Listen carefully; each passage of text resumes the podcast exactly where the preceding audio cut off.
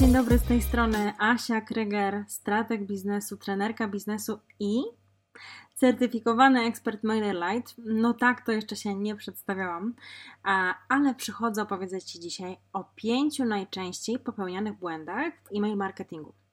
No ale na wstępie chcę Ci ogłosić coś dla mnie bardzo, bardzo, bardzo ważnego. Właśnie wypuściłam swój pierwszy kurs online o MailerLite, czyli o takim narzędziu do wysyłki newslettera. Jeśli Ty chcesz szybciej nauczyć się obsługi newslettera i umiejętnie wykorzystywać go w biznesie online, no to właśnie ruszyła przedsprzedaż mojego kursu. Kurs nazywa się Kurs obsługi i optymalizacji MailerLite. Serdecznie Cię zapraszam do wzięcia udziału w moim kursie. No a teraz przechodzimy już do meritum, do naszego odcinka. Wiele osób wierzy w mity, że e-mail marketing to jest przeżytek. No ale tak naprawdę dzięki temu narzędziu możesz znacznie podnieść swoje wyniki sprzedażowe. No i ja sama jestem tego przykładem. Naprawdę zaczęłam sprzedawać fajne, drogie produkty. E, no ale dzisiaj nie o liczbach, e, a o tych błędach, które ja w sumie w przeszłości też popełniałam. No i przyznam, e, że mam trochę za uszami tutaj też. Mm, mam Ci dla Ciebie taki fajny przykład. Powiedzmy, że szykujesz się do sprzedaży kursu online, własnego produktu fizycznego, nie wiem, e-booka czy webinaru. No i planujesz w końcu zacząć skandlować swój biznes, wypuścić te produkty. No, ale czy na pewno odpowiednio dbasz swój, o swoją listę e-mail? o ile w ogóle ją masz.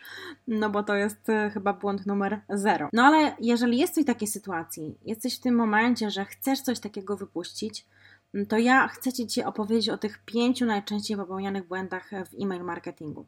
Pierwszym błędem przy tworzeniu bazy, przy mm, zbieraniu w ogóle listy e-mail jest wrzucanie wszystkich do jednego worka, czyli brak grupowania i segmentacji. Wygląda to w ten sposób, że na przykład tworzysz trzy formularze zapisu, ale wszystkie osoby są dodawane do grupy, która nazywa się na przykład subskrybenci newslettera.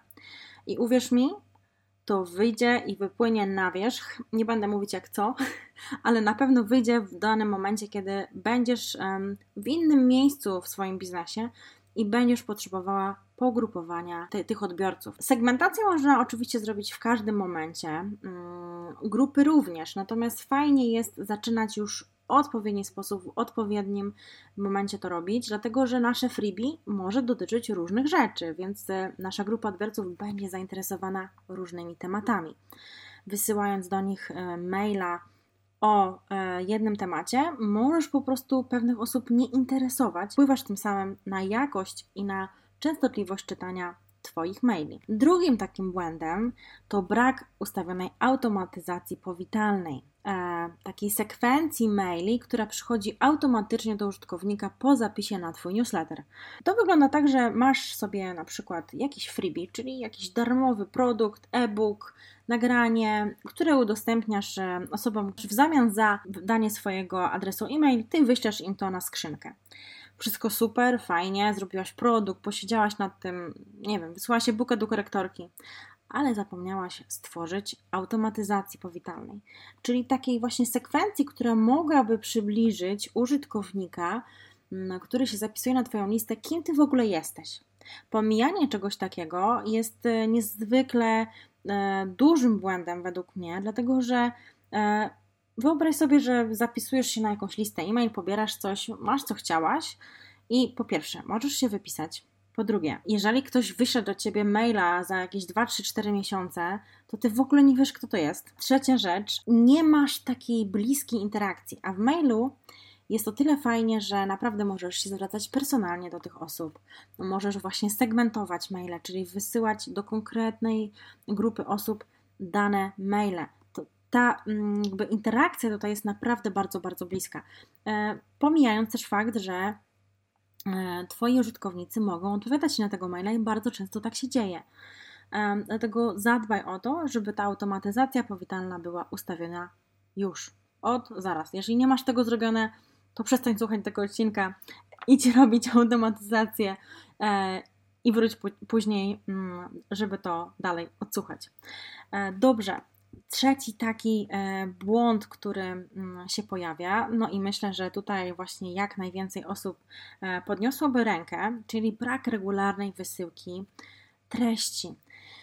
Um, wiem jak jest. Wiem, że mamy tutaj masę um, social mediów, masę miejsc, w których e, chcemy być, no i tego czasu nam po prostu brakuje.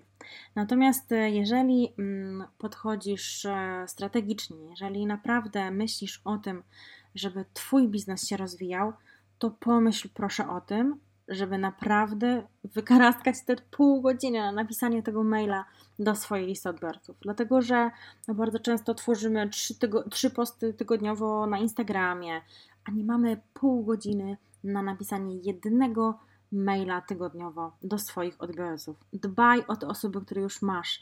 Nie musisz e, tak naprawdę zbierać nie wiadomo jak licz- jakiej dużej liczby osób na Instagramie, Facebooku czy innych social mediach, bo masz już swoją listę odbiorców, bo masz osoby, które ci zaufały i które chcą czytać Twoje maile.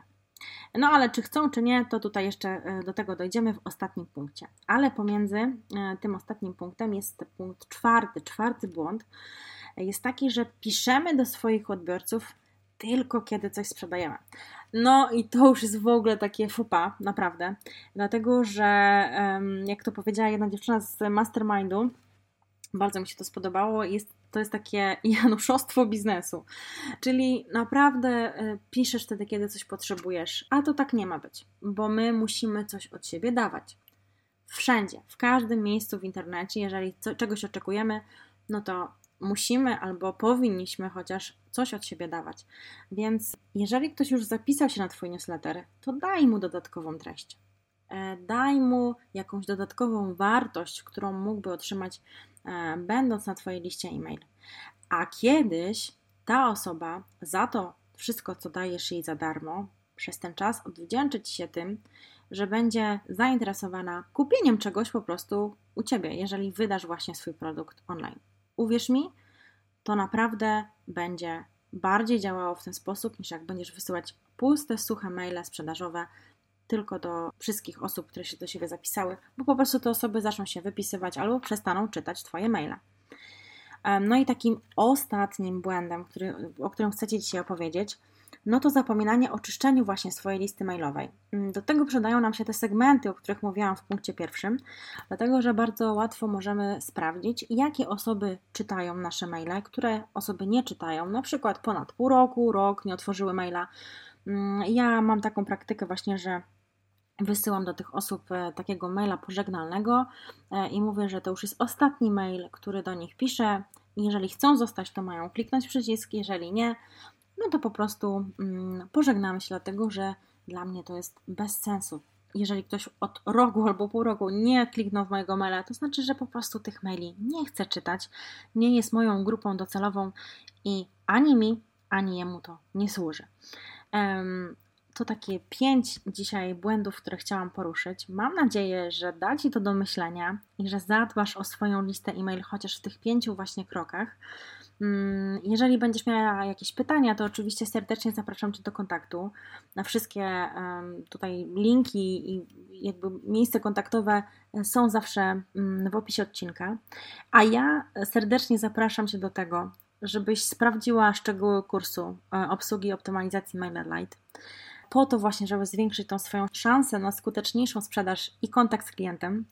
E, no i dodam, że warto dołączyć tej edycji, dlatego że tylko w tej edycji jestem, jest jakby moje wsparcie przez 5 tygodni. Po tym kursie będziesz miała dopracowany system do wysyłki newslettera. Skończysz po prostu z godzinami spędzonymi na grzebaniu i szukaniu rozwiązań technicznych, no i tym takim poczuciu frustracji, tej, jak ja to mówię, pulsującej żyłki na czole po prostu możesz zacząć skalować swój biznes.